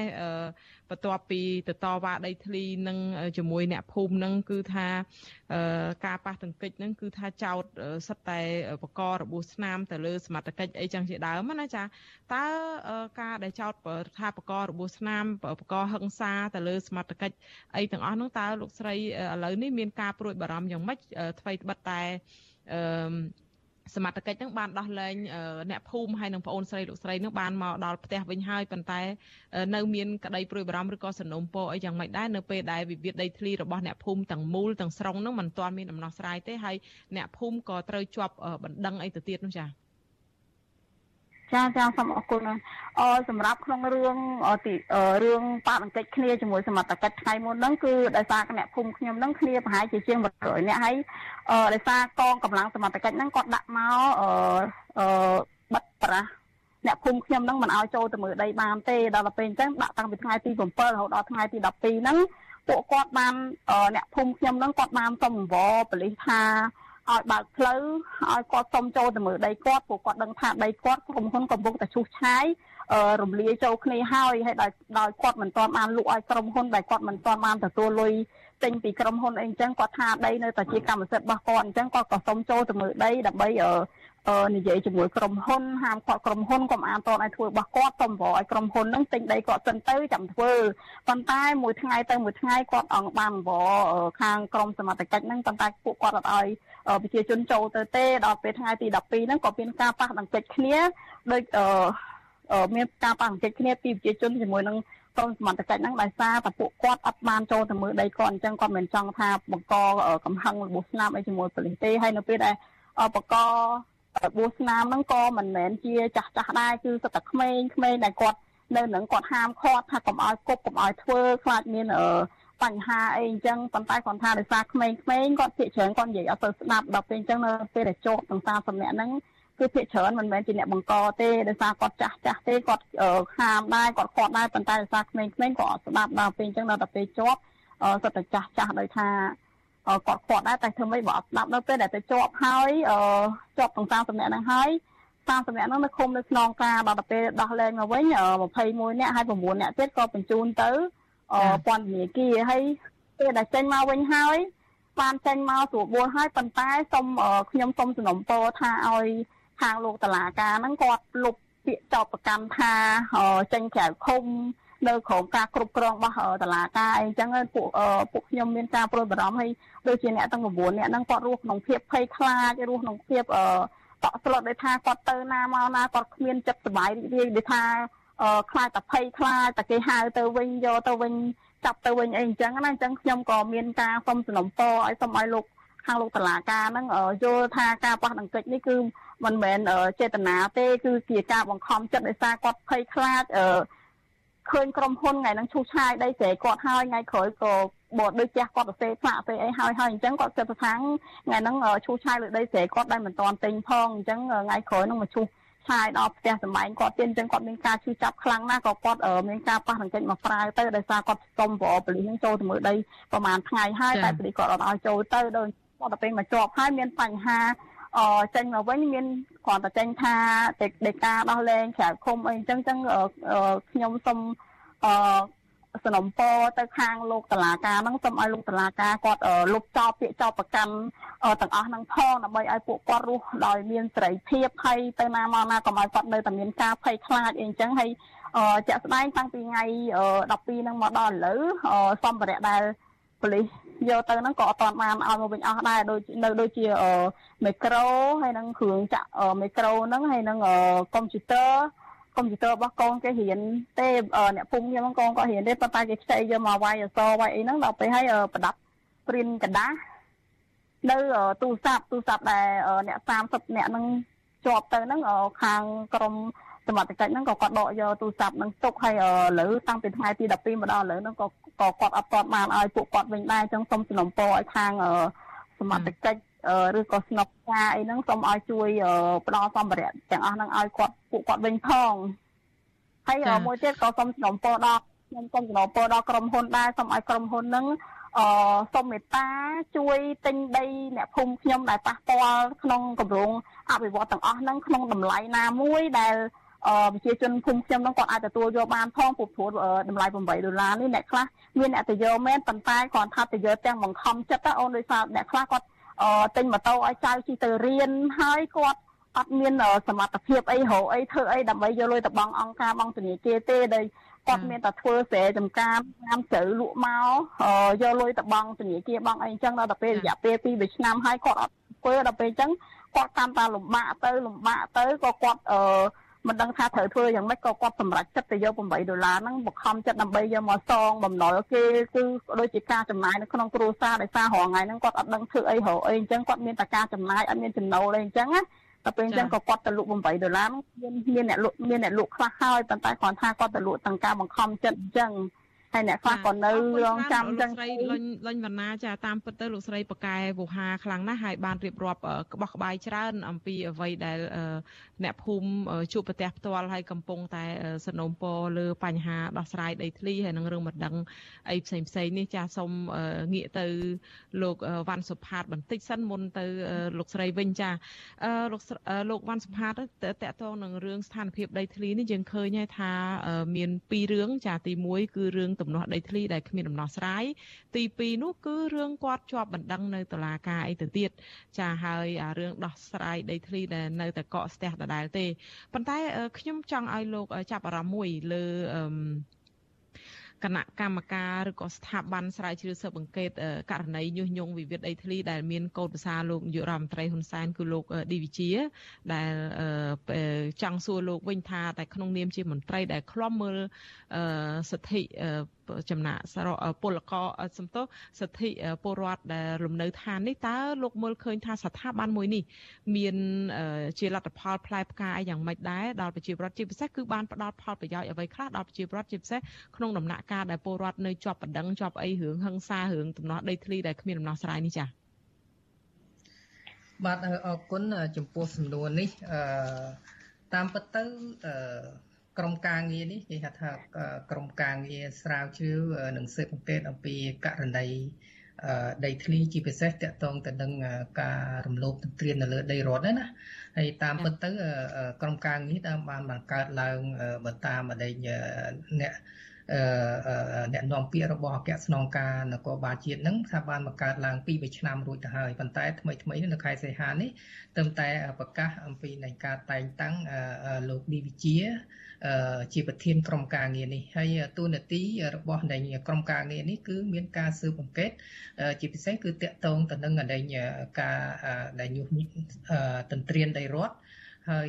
ក៏មានទូនាទីមួយក្នុងការកសាងសំណុំរឿងតកតងទៅនឹងដែងការតន្ត្រៀនដីរដ្ឋឬក៏ការធ្វើឲ្យរំលោភលើដីរដ្ឋឬក៏មានការញុះញង់ទៅលើឲ្យមានការងើបឡើងតវ៉ាណាជាទ្រង់ទ្រាយមួយដែលតកតងទៅនឹង ការរំលោភដីរដ្ឋអីហ្នឹងកសាងសំណុំរឿងបញ្ជូនទៅតុលាការហើយក៏មានសិទ្ធិក្នុងការទាញយកកម្លាំងផែនសន្តិសុខនៅនៅរាជធានីភ្នំពេញហ្នឹងឬក៏ដូចជានៅតាមកម្លាំងខេត្តក្នុងការធ្វើជួយធ្វើអន្តរាគមន៍ជាដើមឡាអឺក៏ប៉ុន្តែទោះបីយ៉ាងណាក៏ដោយណែរហូតមកដល់បច្ចុប្បន្ននេះយើងមានការព្រួយបារម្ភបើសិនជាក្រុមការងារនេះទូនាទីលោកគ្រាន់តែសម្ដៅទៅលើការស៊ើបអង្កេតទៅអ្នក ដែលទន្ទ្រានទៅលើដីរដ្ឋព្រោះអ្នកទន្ទ្រានដីលើដីរដ្ឋនេះយើងយើងមិននិយាយថាអឺលំអៀងទៅប្រជាពលរដ្ឋទេក្នុងហ្នឹងក៏មានអ្នកកាន់អំណាចអ្នកមានអ្នកធំណាអ្នកមានលុយមានអំណាចហ្នឹងក៏ក៏មានជាច្រើនមកហើយហើយក៏មានប្រជាពលរដ្ឋមួយចំនួនគាត់ទៅកាន់កាប់ដីរដ្ឋនោះនឹងការភ័ន្តច្រឡំអីចឹងដែរអឺ បើសិនជាប៉ុណ្ណឹងគឺយើងមិនមានការព្រួយបារម្ភបានទេដោយសារតែអានឹងវិជាការរំលោភដីរដ្ឋគឺជាការខុសច្បាប់ប៉ុន្តែរឿងមួយទៀតដែលនៅក្នុងទូនីតិហ្នឹងគឺក៏ស៊ើបអង្កេតផងដែរអំពីការញុះញង់ឬមួយក៏បើកផ្លូវឬមួយក៏ឧបត្ថម្ភ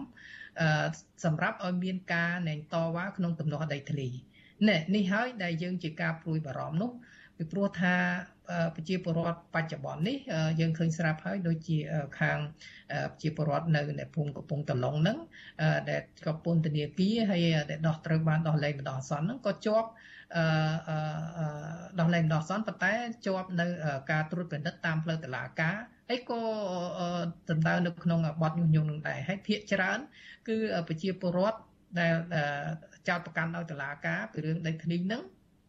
គឺភាកច្រើនដែរ គឺតកតងទៅនឹងបទចោតពីការញុះញង់នឹងឯងអាហ្នឹងជាការព្រួយបារម្ភរបស់យើងហើយពីការឧបត្ថម្ភទៅទៀតព្រោះភាកច្រើនក្រែងថាអង្គការសង្គមស៊ីវិលនឹងចេះតែធ្វើការនៃញុះញង់ឬមួយក៏ឧបត្ថម្ភស្អីចឹងសម្រាប់ប្រជាពលរដ្ឋដើម្បី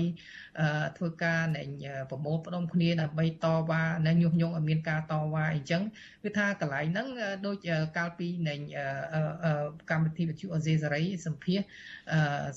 ដូចគ្នានេះដែរកាលពីបច្ចុប្បន្នហ្នឹងគឺប្រធានជាពិសេសតំណាងសហគមន៍ផ្ទាល់គឺអ្នកស្រីផៅយើងនៅខេត្តកោះកុងអ្នកស្រីបានលើកឡើងហើយថាកុំចោទនៅអង្គការនៃសង្គមស៊ីវិលថាញុះញង់អីតាមពិតទៅបើសិនជាមិនមានការទន្ទ្រានដីរំលោភយកដីពីក្រុមហ៊ុនពីភាគីទី3ពីធុរកិច្ចទេគឺគាត់មិនធ្វើការតវ៉ាទេព្រោះគាត់អត់ចង់មានរឿងអីទេអញ្ចឹងមានអ្នកណាទៅញុះញង់គាត់អីទេ គឺប៉ុន្តែគ្រាន់តែថាអង្គការសង្គមស៊ីវិលនឹងយើងមានដែលថាជំនួយផ្នែកបច្ចេកទេសខាងការបង្រៀនគាត់អំពីផ្លូវច្បាប់ណាច្បាប់ភូមិបាលក្តីច្បាប់នៃព្រហ្មទណ្ឌស្អីឬច្បាប់ពាក់ព័ន្ធរដ្ឋធម្មនុញ្ញអីជាពិសេសដូចជារដ្ឋធម្មនុញ្ញអញ្ចឹងលោកបានសុផាតសុំកាត់បន្តិចមានន័យថាมันមានផលប្រយោជន៍ដល់ប្រជាពលរដ្ឋទេអឺសរុបសេចក្តីទៅយើងយើងគិតថាបើសិនជា ខ្ញុំគិតថាមានផលប្រយោជន៍បើសិនជាបើសិនជាក្រុមការងារលោកធ្វើការស្រាវជ្រាវស៊ើបអង្កេតទៅលើអ្នកដែលមានអំណាចជនខលខូចដែលរំលោភទៅលើដីរដ្ឋពីព្រោះថានៅខេត្តមណ្ឌលគិរីក្តីនៅស្ទឹងត្រែងរតនគិរីក្តីគឺជនជាតិដើមភាគតិចលោកតែងតែប្តឹងមកតឡាការក៏ដូចជាអាជ្ញាធរមូលដ្ឋានក៏ដូចជាស្ថាប័នថ្នាក់ជាតិដែរថាមានអ្នកដែលមានអំណាចណាមានអធិបុលច្រើនតែទៅរំលោភយកដីរដ្ឋ ហើយរំលោភទៅប៉ះពាល់ដល់ដីសហគមន៍របស់ពួកគាត់ទៀតអញ្ចឹងបើក្រុមការងារហ្នឹងឲ្យលោកស៊ើបអង្កេតទៅរកអីអ្នកអញ្ចឹងអញ្ចឹងអាហ្នឹងវាជាការមួយសម្រាប់ជួយប្រជាពលរដ្ឋទៅវិញទេបាទហើយជាពិសេសគឺជនជាដើមភាគតិចក៏ដូចជាប្រជាពលរដ្ឋមួយចំនួនដែលអ្នករងដែលអ្នកមានអំណាចហ្នឹងរំលោភយកដីពួកគាត់ដែរប៉ុន្តែតកតងទៅនឹងការដែលថាពីបទញុះញង់ឬការឧបត្ថម្ភឬការបង្កើតជាក្រុមដើម្បីធ្វើការញុះញង់ឲ្យមានការតវ៉ានេះជាការព្រួយបារម្ភណាហើយប្រជាពលរដ្ឋភាគច្រើន ដែលរងផលប៉ះពាល់ដោយសារដីធ្លីហ្នឹងក៏បានរងគ្រោះដោយសារតែការចោទប្រកាន់របស់តុលាការអំពីបទញុះញង់អំពីការរួមប្រជុំហើយជាពិសេសច្បាប់ COVID-19 ថ្មីនេះក៏បានអនុវត្តរួចមកហើយដែរដូចជានៅស្វាយរៀងអញ្ចឹងមានចាប់ប្រជាពលរដ្ឋតំណាងប្រជាពលរដ្ឋ2នាក់ជាប់ឃុំឥឡូវត្រូវបានដោះលែងប៉ុន្តែដាក់ឲ្យស្ថិតនៅក្រោមការត្រួតពិនិត្យតាមផ្លូវតុលាការហើយបញ្ជាឲ្យគាត់ បងជាដែលបងជាការផាកពិន័យរហូតដល់រាប់លានរៀលទៀតណាអញ្ចឹងឃើញណានេះវាជាភាពរងគ្រោះមួយរបស់ជាពលរដ្ឋដែលយើងគួរឲ្យសោកស្ដាយណាបាទចាអរគុណច្រើនលោកវ៉ាន់សុផាតដោយសារយើងអស់ពេលហើយសូមខ្លីមួយម៉ាត់ចុងក្រោយពីលោកស្រីលុញវណ្ណាតើលោកស្រីមានអ្វីជាសារចុងក្រោយជំវិញការបណ្ដឹងចេញដោយបង្ខំផ្សារភ្ជាប់ទៅនឹងរឿងវិបត្តិកូវីដចាសូមខ្លីចា ចាចាសូមអរគុណសម្រាប់សំណួរជាចុងក្រោយនេះខ្ញុំសូមសំណពរតែប៉ុណ្្នឹងសូមសំណពរថាឲ្យខាងលោកតឡាការហ្នឹងគាត់លុបចោលពាក្យចោលប្រកាន់អ្នកទាំង9អ្នកហ្នឹងហើយនឹងសូមឲ្យសំណពរឲ្យ ឲ្យសម្ភារៈដូចជាទូរស័ព្ទអីកុំព្យូទ័រមីក្រូហ្នឹងមកពួកគាត់វិញផងហើយជាចុងក្រោយមួយទៀតគឺសូមឲ្យក្រុមហ៊ុនទិញដីអ្នកភូមិខ្ញុំដែលប៉ះពាល់ហ្នឹងក្នុងតម្លៃណាមួយដែលប្រជាជនគាត់អាចទទួលយកបានចាសូមអរគុណអូនចាអរគុណច្រើនចាចានេះខ្ញុំសូមអរគុណភ្ញៀវទាំងពីរគឺលោកវ៉ាន់សុផាតនិងវ៉ាន់សុផាតនិងលោកស្រីលាញ់វណ្ណាដែលបានចំណាយពេលមានតម្លៃចូលរួមនៅក្នុងនីតិវិទ្យាអ្នកស្ដាប់វិទ្យុអសីស្រីនៅពេលនៅរាត្រីនេះចាសូមជម្រាបលាលោក